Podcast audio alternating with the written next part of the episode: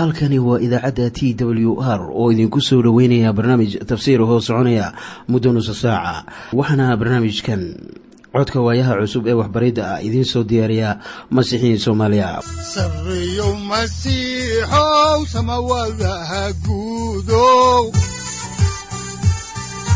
Siraadkii adduunkow subanaha eebow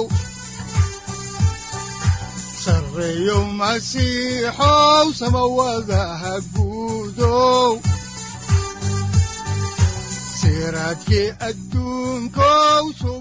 ku soo dhowaada dhegaystayaal barnaamijkeenna dhammaantiinba. Waxaan horay u sii ambaqaadi doonnaa daraasaadkii la magac baxay baibalka dhammaantii. Waxaannu caawa idiin sii wadi doonnaa barashada kitaabka koowaad ee samuel. Wuxuuna kitaabkani ka hadlayaa isbeddel weyn oo ku imaanayay qaabka xukuumadda reer banu israa'iil wuxuuna ka hadlayaa wixii keenay in reer banu israa'iil ay boqor samaystaan iyo qaabkii ay ku timid. Waxaanan caawa idiin sii wadi doonnaa cutubkan laba iyo tobanaad ilaa iyo kan afar iyo tobanaad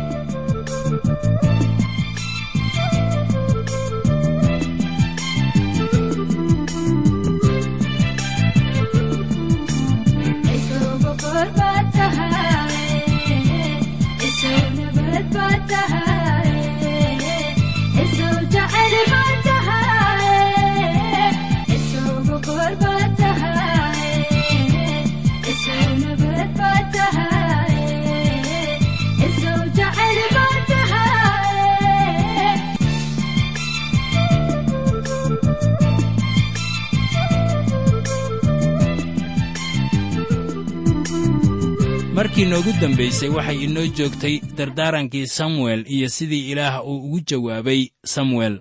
Markii baryadiisii looga soo jawaabay oo la maqlay onkod weyn oo lagu xijiyey roob xoog leh iyadoo weliba aan la gaarin xilligii roobka ama guga.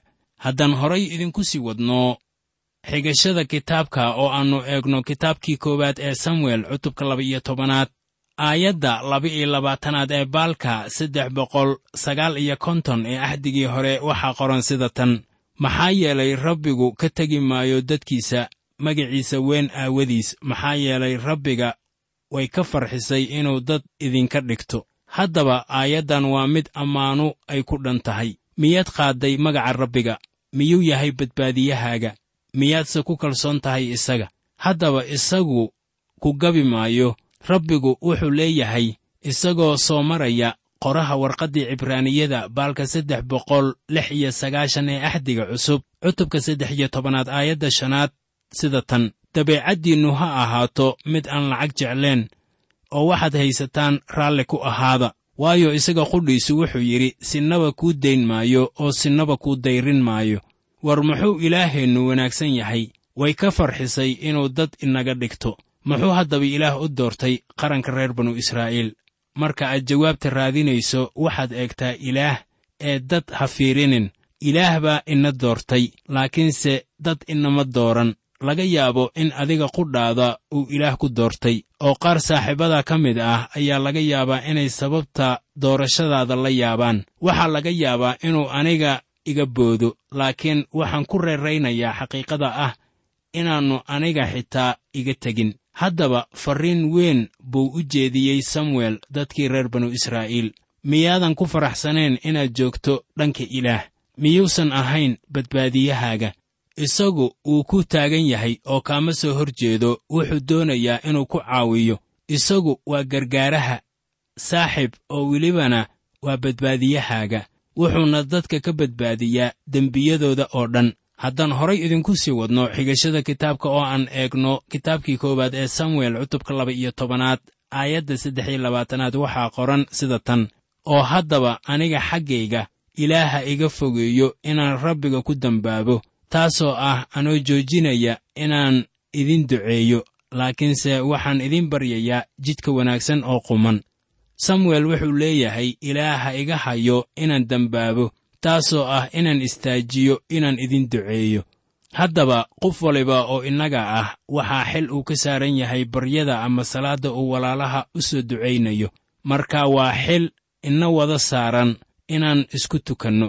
Saaxiibadeen qoysaskeenna iyo walaalaheenna masiixiyiinta ahba waa inaan u ducaynaa haddaan horay idinku sii wadno xigashada kitaabka koowaad ee samuel cutubka laba iyo tobanaad aayadaha afar iyo labaatan ilaa lix iyo labaatan waxaa qoran sida tan laakiinse idinku rabbiga ka cabsada oo si run ah qalbigiinna oo dhan ugu adeega waayo bal ka fiirsada waxyaalaha waaweyn ee uu idiin sameeyey. Laakiinse haddaad shar sii samaysaan waa laydin baabi'in doonaa idinka iyo boqorkiinnaba.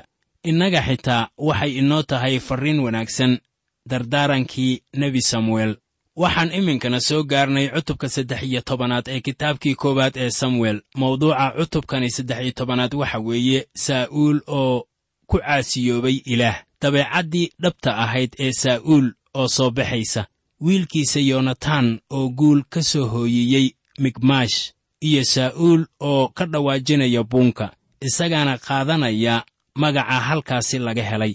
Waxaa kaloo cutubkani ku qoran saa'uul oo qaadanaya jegadii ama hawshii wadaaddada iyo samuel oo arrinkaasi ku canaananaya saa'uul waxaa kaloo lagu caddaynayaa cutubkan hubla'aantii ka jirtay reer banu israa'iil dhexdooda. Waxaana soo baxay saa'uul inaannu bilxaqiiqa ahayn boqorkii dadka haddaan idiin bilowno xigashada cutubkan saddex iyo tobanaad ee kitaabka koowaad ee samuel ayaannu eegaynaa kitaabkii koowaad ee samuel cutubka saddex iyo tobanaad aayadaha kow ilaa afar. Waxaana qoran sida tan.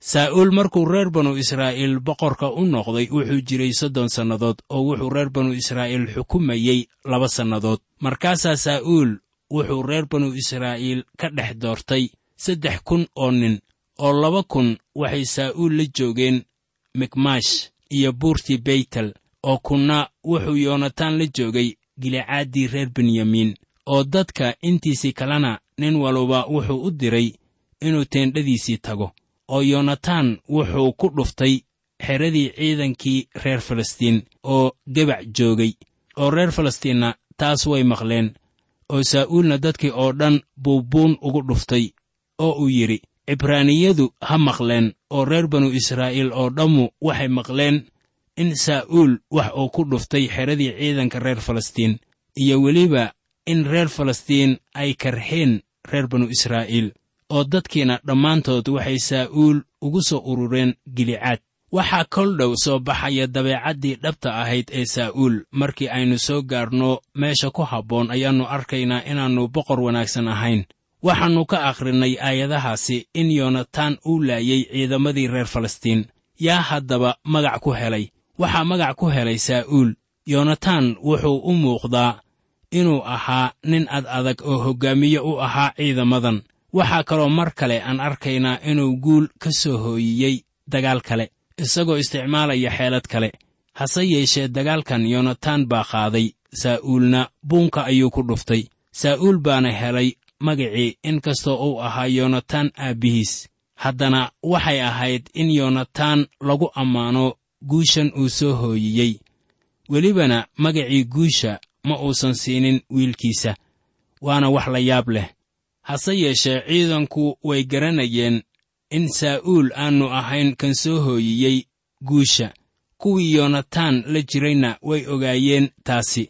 Dadkiina waxay bilaabeen inay ka shakiyaan itaaldarrada ciidanka saa'uul iyo dagaalyahannadiisii.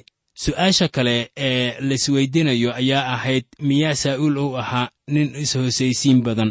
Xaqiiqadan ayaa bannaanka imaanaysa kol dhow haddaan horay idinku sii wadno xigashada kitaabka koowaad ee samuel cutubka saddex iyo tobanaad aayadaha shan ilaa lix ayaa waxaa qoran sida tan oo reer falastiinna waxa ay isu soo urursadeen inay reer banu israa'iil la diriraan oo waxayna ahaayeen soddon kun oo gaari fardood iyo lix kun oo fardooley ah iyo dad ah sida camuudda taalbadda xeebteeda oo intay soo dhowaadeen ayay degeen mikmaash oo bari ka xigta beytaawen oo dadkii reer banu israa'iilna markay arkeen inay cidhiidhi ku jiraan waayo dadku way dhibaataysnaayeen markaasaa dadkii waxay ku dhuunteen godod iyo kayn iyo dhagaxyo dhexdooda iyo bohollo iyo hogag.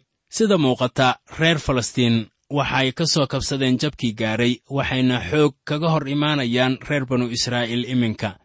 Haddaan horay idinku sii wadno xigashada kitaabka oo aan eegno cutubka saddex iyo tobanaad aayadaha siddeed ilaa sagaal waxaa qoran sida tan. Oo toddoba maalmood buu sugayey sidii wakhtigii samuel uu u qabtay uu ahaa. Laakiinse samuel ma iman gilgaal oo dadkiina way ka kala firdheen saa'uul. Markaasaa saa'uul wuxuu yidhi halkan iigu keena qurbaanka la gubo iyo qurbaannada nabaaddiinnadaba. Markaasuu bixiyey qurbaankii la gubayey. Waxaa kaloo inta aan ku arkaynaa qarsoodi ku saabsan saa'uul. Wuxuu doonayaa isagoo isticmaalaya jegadiisa inuu qaato jegadii wadaaddada ee ahayd qurbaan bixinta mar kale ayaannu arkaynaa boqor kale oo la odhan jiray cusiyah oo intuu ismadax weyneeyey galay macbudka oo istaagay girgirradii fooxa oo damcay inuu fooxa ku shido halkaasi. Laakiin caradii ilaah baa ku dhacday oo korkiisiina wuu wada caddaaday. Saa'uul wuxuu haatan ismoogaysiinayaa tusmooyinkii ilaah ee ahaa wadaaddada reer laawi oo keliya inay bixiyaan qurbaanka fooxa. Haddaan horay idinku sii wadno ayaa waxaa ku qoran kitaabkii koowaad ee samuel cutubka saddex iyo tobanaad aayadaha toban ilaa kow iyo toban sida tan. Oo markuu dhammeeyey bixintii uu bixinayey allabariga la gubo waxaa yimid samuel markaasaa saa'uul uu u baxay inuu ka hor tago uu soo salaamo markaasaa samuel wuxuu ku yidhi war maxaad samaysay? Oo saa'uulna wuxuu yidhi maxaa yeelay waxaan arkay in dadkii uu iga kala firdhay iyo inaad adiguna ku imaan weyday maalmihii aan ku ballannay iyo in reer falastiinna dhammaantood ay isku soo urursadeen mikmaash agteeda. Saa'uul ma uusan doonaynin inuu sugo samuel. Wuxuu ahaa mid degdeg badan oo wax waliba si fudud u qaata. Waxay la noqotay inuu haysto saddex asbaab oo aannu ku sugi karin samuel. Kow in dadkii ay kala yaaceen. Labo in reer falastiin ay soo eryanayeen. Saddex samuel inuu soo daahay. Saa'uul haddaba wuxuu la yimid cudurdaar dabcan haddaan horay idinku sii wadno xigashada kitaabka oo aannu eegno cutubka saddex iyo tobanaad aayadda laba iyo tobanaad ayaa waxaa qoran sida tan. Sidaas daraaddeed waxaan is idhi haatan reer falastiin waxay igu soo weerari doonaan gilgaal. Anigoo aan rabbiga raallinimo ka baryin taas aawadeed ayaan isugu qasbay oo waan bixiyey allabariga la gubo. Haddaba saa'uul wuxuu isku qasbay inuu bixiyo qurbaan oo uu ilaah baryo waxaan idinku leeyahay been buu sheegayaa wuxuuse iska dhigayaa mid quduus ah. Waxaana halkan ka muuqanaya saa'uulkii rasmiga ahaa dabeecaddiisa. Haddaan horay idinku sii wadno xigashada kitaabkii koowaad ee samuel cutubka saddex iyo tobanaad aayadaha saddex iyo toban ilaa afar iyo toban ayaa waxaa qoran sida tan.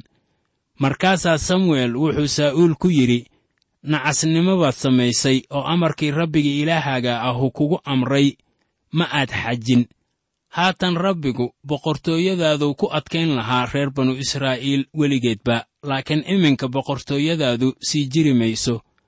Rabbigu wuxuu doontay nin ah siduu qalbigiisu doonayo oo rabbiguna isagu u doortay inuu ahaado amiir dadkiisa u taliya. Maxaa yeelay adiga ma aadan xajin wixii rabbiga uu kugu amray.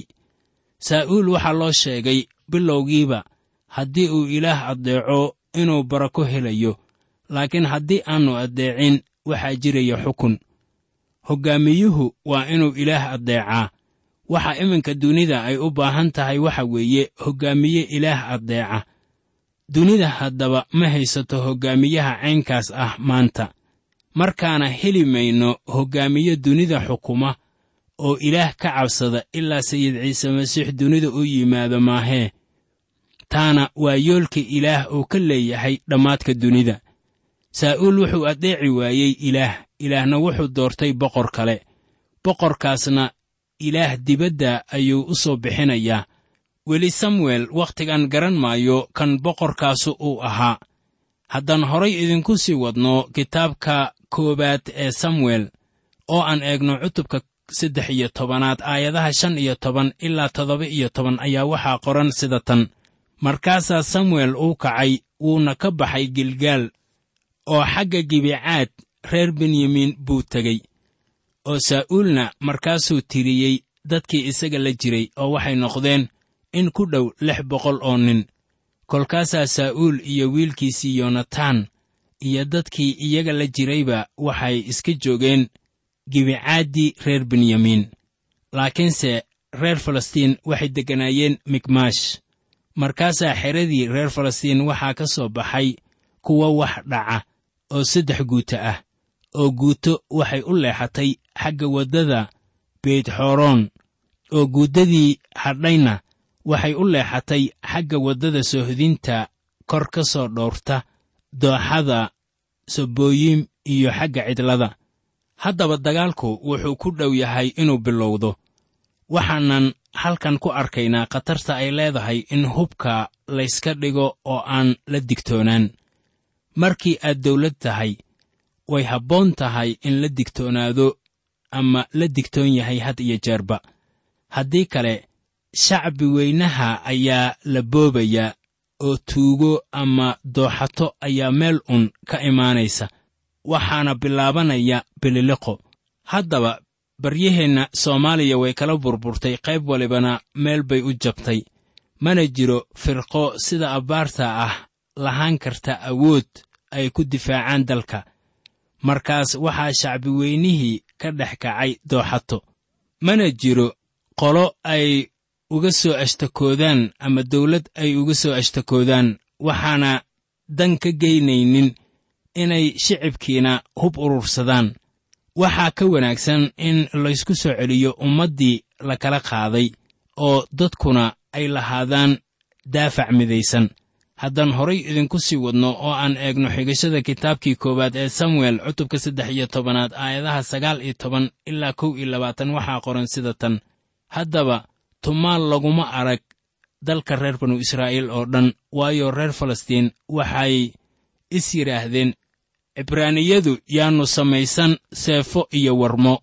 Laakiinse reer banu israa'iil oo dhammu waxay xagga reer falastiin u tageen in nin waliba uu soo afaysto marashadiisii iyo manjadiisii iyo faasaskiisii iyo sabarradiisii oo weliba waxay lahaayeen wax lagu soofeeyo sabarradaha iyo manjooyinka iyo faralayda iyo faasaska iyo inay hagaajiyaan takiyadadaba.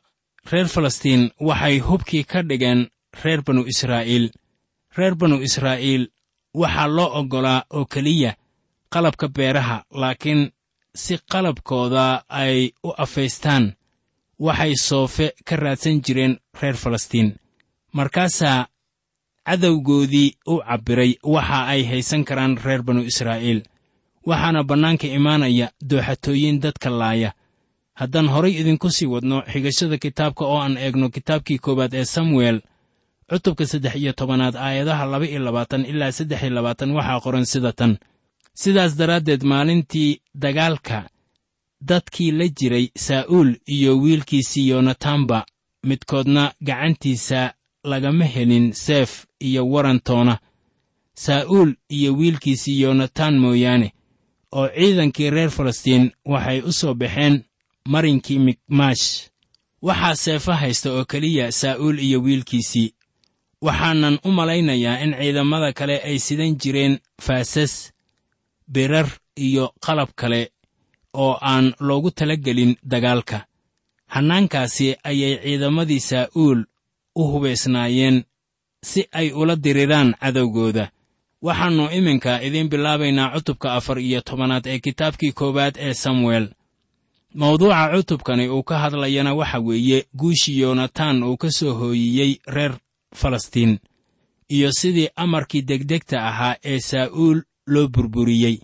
Waxaanan ku bilaabaynaa maaddada ugu horraysa ee ah yoonataan oo ka adkaanaya reer falastiin. Mar kale ayaa yoonataan uu gaadhay guul weyn laakiin saa'uul ayaa qaadanaya magacii guusha waxaana soo baxaya maseerka weyn ee niyadihiisa ku jira wuxuuna sida daacadda ah ka takhallusi lahaa wiilkiisa. Cutubka afar iyo tobanaad ayaa wuxuu ina siinayaa ama ku qoran qorshaha dagaalka ee yoonataan uu kula dagaalamay reer falastiin. Waxaa qoran in cutubkani uu yahay midkii uu isticmaalay jenaraalkii ingiriiska ahaa ee la odhan jiray allen bay waxaana la leeyahay wuxuu akhriyey cutubkan habeen ka hor intaannu dagaalka ku qaadin ciidamadii turkiga xilligii dagaalkii koowaad ee dunida. Hase yeeshee anigu taasi waxba idinkama sheegi karo waayo waa layga badshaa istaraatiijiyada ama qorshaha dagaalka sida abbaarta ah yoonataan qorshihiisu wuxuu ahaa mid si dhuumaalaysi ah ay ciidamadiisu ku soo gelayaan seeradda dagaalka waana waxa loo yaqaanno sarbrise attack ama dagaal gaadma ah. Waxaa dagaalka kan oo kale ku guulaystay giriigga mar ay la dagaalamayeen ciidamadii bershiya haddaba dagaalkan sida gaadmada ah loo qaaday ayaa waxaa ku guulaystay ciidamadii uu horkacayay yoonataan qaabkan dagaalna wuu u shaqeeyey waayo reer banu israa'iil waa laga badnaa welibana. Hub wacan ma ayan haysanin. Faallo tafatiran ayaannu ka bixin doonnaa dagaalka. Waxaanan diiradda saari doonnaa casharka ruux ahaaneed ee aynu ka baranayno. Haddaan markii ugu horraysay idiin akhrinno cutubka afar iyo tobanaad oo aynu soo koobno ayaannu ku bilaabaynaa kitaabkii koowaad ee samuel cutubka afar iyo tobanaad aayadda siddeed iyo tobanaad ee baalka saddex boqol laba iyo lixdan ee axdigii hore. Waxaana qoran sida tan markaasaa saa'uul wuxuu axiyaah ku yidhi sanduuqii ilaah halkan keen waayo waagaa sanduuqa ilaah wuxuu la jiray reer banu israa'iil. Saa'uul sanduuqa ahdiga uma uusan qaadan dagaal sidaan soo aragnay maalmihii samuel. Ayaa carruurtii reer banu israa'iil waxay sanduuqa u isticmaaleen sida dhaaw oo kale iyadoo ay la tahay inay ku caawiyayso ka adkaanshaha cadowga. Sida abbaarta ah saa'uul wuxuu rumaysnaa in sida dhaaw oo kale loo qaadan karo sanduuqa rabbiga in kastoo aannu sidaasi yeelin haddaan horay idinku sii wadno xigashada cutubkan afar iyo tobanaad oo aynu soo koobayno ayaannu eegaynaa kitaabkii koowaad ee samuel cutubka afar iyo tobanaad aayadda saddex iyo labaatanaad. Waxaa qoran sida tan sidaasuu rabbigu maalintaasi u badbaadiyey reer banu israa'iil oo dagaalkiina wuxuu u sii gudbay xagga beytaawen inkastoo saa'uul sanduuqii bannaanka uu u soo bixiyey ayaa haddana waxaa dagaalkii ku guulaystay yoonataan iyadoo aan la isticmaalin sanduuqa axdiga ilaah wuxuu la jiray yoonataan waa wax naxdin leh in yoonataan cimrigiisii aannu dheereen oo sidaan arki doonno uu dhallinyaronimada ku dhiman doono. Ilaah baa reer banu israa'iil badbaadiyey. Haddaan horay idinku sii wadno xigashada kitaabka ayaa waxaa ku qoran aayadaha afar iyo labaatan ilaa toddoba iyo labaatan sida tan. Oo maalintaas dadka reer banu israa'iil way dhibaateysnaayeen laakiinse saa'uul baa dadkii dhaariyey oo ku yidhi ilaa ay fiidkii noqoto oo aan cadaawayaashayda ka aarsado ninkii wax cuna inkaaruha ku dhacdo. Haddaba dadkii cunto ma dhedhemin innaba oo dadkii oo dhammu waxay soo galeen duurkii dhulkana waxaa yiillay malab oo markii dadkii uu soo galay duurkii ayaa malabkii uu soo dareeray. Laakiinse ninna gacanta afka ma saarin waayo dadku waxay ka cabsadeen dhaartii. Laakiinse yoonataan ma uu maqlin markii aabbihiis dadka dhaarta uu ku amray. Saas aawadeed wuxuu soo fidiyey ushii gacanta ugu jirtay caaraddeedii oo wuxuu daray malabkii. Markaasuu gacantii afka saaray oo indhihiisiina aad bay u iftiimeen. Waa wax xiise leh inaannu yoonataan garanaynin dhaartii aabbihiis ee ahayd inaannu ninna waxba cunin ilaa la guulaysto hase yeeshee yoonataan dagaalkii wuu ku adkaaday. Iminka waxaannu bilaabaynaa inaan aragno dabeecaddii rasmiga ahayd ee saa'uul. Yoonataan wuxuu helay guushii. Saa'uulna wuxuu qaadanayaa magaca ah in isagu uu keenay guusha. Waxaana meesha ka baxaya asluubtiisii. Waxaana la muujinayaa maseerkiisii haddaan horay idinku sii wadno oo aan eegno kitaabkii koowaad ee samuel cutubka afar iyo tobanaad aayadaha siddeed iyo labaatan ilaa soddon waxaa qoran sida tan. Markaasaa dadkii mid ka mid ahu u jawaabay oo ku yidhi aabbaha dadka dhaar buu aad ugu amray oo yidhi maanta ninkii wax cuna inkaaruha ku dhacdo oo dadkiina way itaal darnaayeen. Markaasaa yoonataan wuxuu yidhi aabbahay isagaa dalka dhibay waana idiin baryayaaye bal eega sida indhahaygu u iftiimeen. Maxaa yeelay in yar baan ka dhedhamiyey malabkan. Haddaba intee bay ka sii fiicnaan lahayd? Haddii dadku maanta ikhtiyaar wax uga cuni lahaayeen wixii ay cadaawayaashooda ka dhaceen oo ay heleen. Waayo hadday sidaas ahaan lahayd reer falastiin dhexdooda layntan ka weyn baa ku dhici lahayd. Marka way caddahay amarkii saa'uul uu bixiyey wuxuu ahaa mid qaab daran. Haddaan horay idinku sii wadno xigashada kitaabka samuel oo aan eegno aayadaha shan iyo soddon ilaa sagaal iyo soddon waxaa qoran sida tan markaasaa saa'uul wuxuu rabbiga u dhisay meel allabari oo taasuna waxay ahayd meeshii allabariga ee ugu horraysay uu rabbiga u dhiso. Saa'uulna wuxuu yidhi innakeena aynu reer falastiin raacdaysanne oo habeennimo mirne oo tan iyo aroortii dhacne oo ninkoodna yaynaan ka sii dayn oo iyana waxay ku yidhaahdeen wax alla wixii kula wanaagsan samee markaasaa wadaadkii wuxuu yidhi innakeena aynu rabbiga u dhowaanne. Markaasaa saa'uul ilaah tala weyddiistay oo wuxuu yidhi miyaan reer falastiin raacdaystaa oo ma doonaysaa inaad iyaga soo geliso gacanta reer banu israa'iil? Laakiinse maalintaas ilaah uma u jawaabin. Kolkaasaa saa'uul wuxuu yidhi madaxda reer banu israa'iil oo dhammay eega waayo rabbiga reer banu israa'iil badbaadiya noloshiisan ku dhaartaye xataa hadduu ku jiray wiilkayga yoonataan hubaalkaasu waa dhiman doonaa laakiinse dadkii oo dhan laguma arag nin u jawaabay.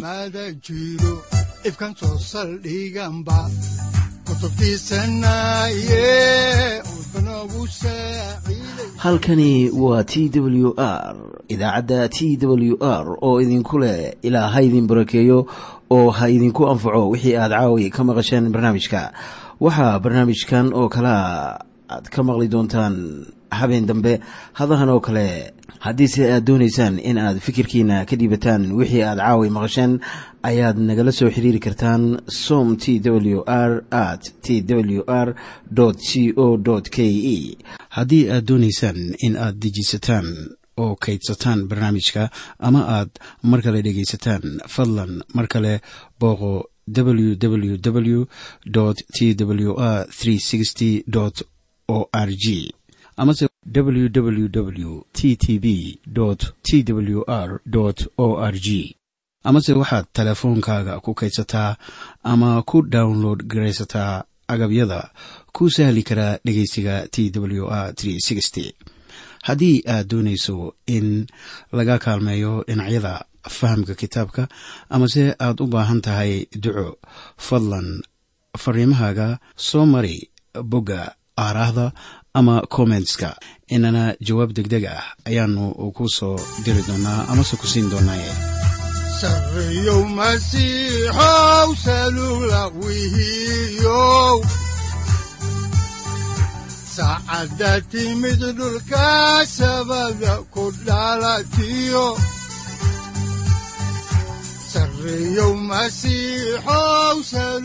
halkani waa t w r oo idiin rajaynaya habeen baraare iyo barwaaqaba leh inta aynu ka gaari doono wakhti aynu ku kulanno barnaamij la mida kan caawayay. Aad maqasheen. Waxa aan idinku leeyahay nabadda ciise masiix ha idinku badato xagga jidhka iyo ruuxaba. Aamiin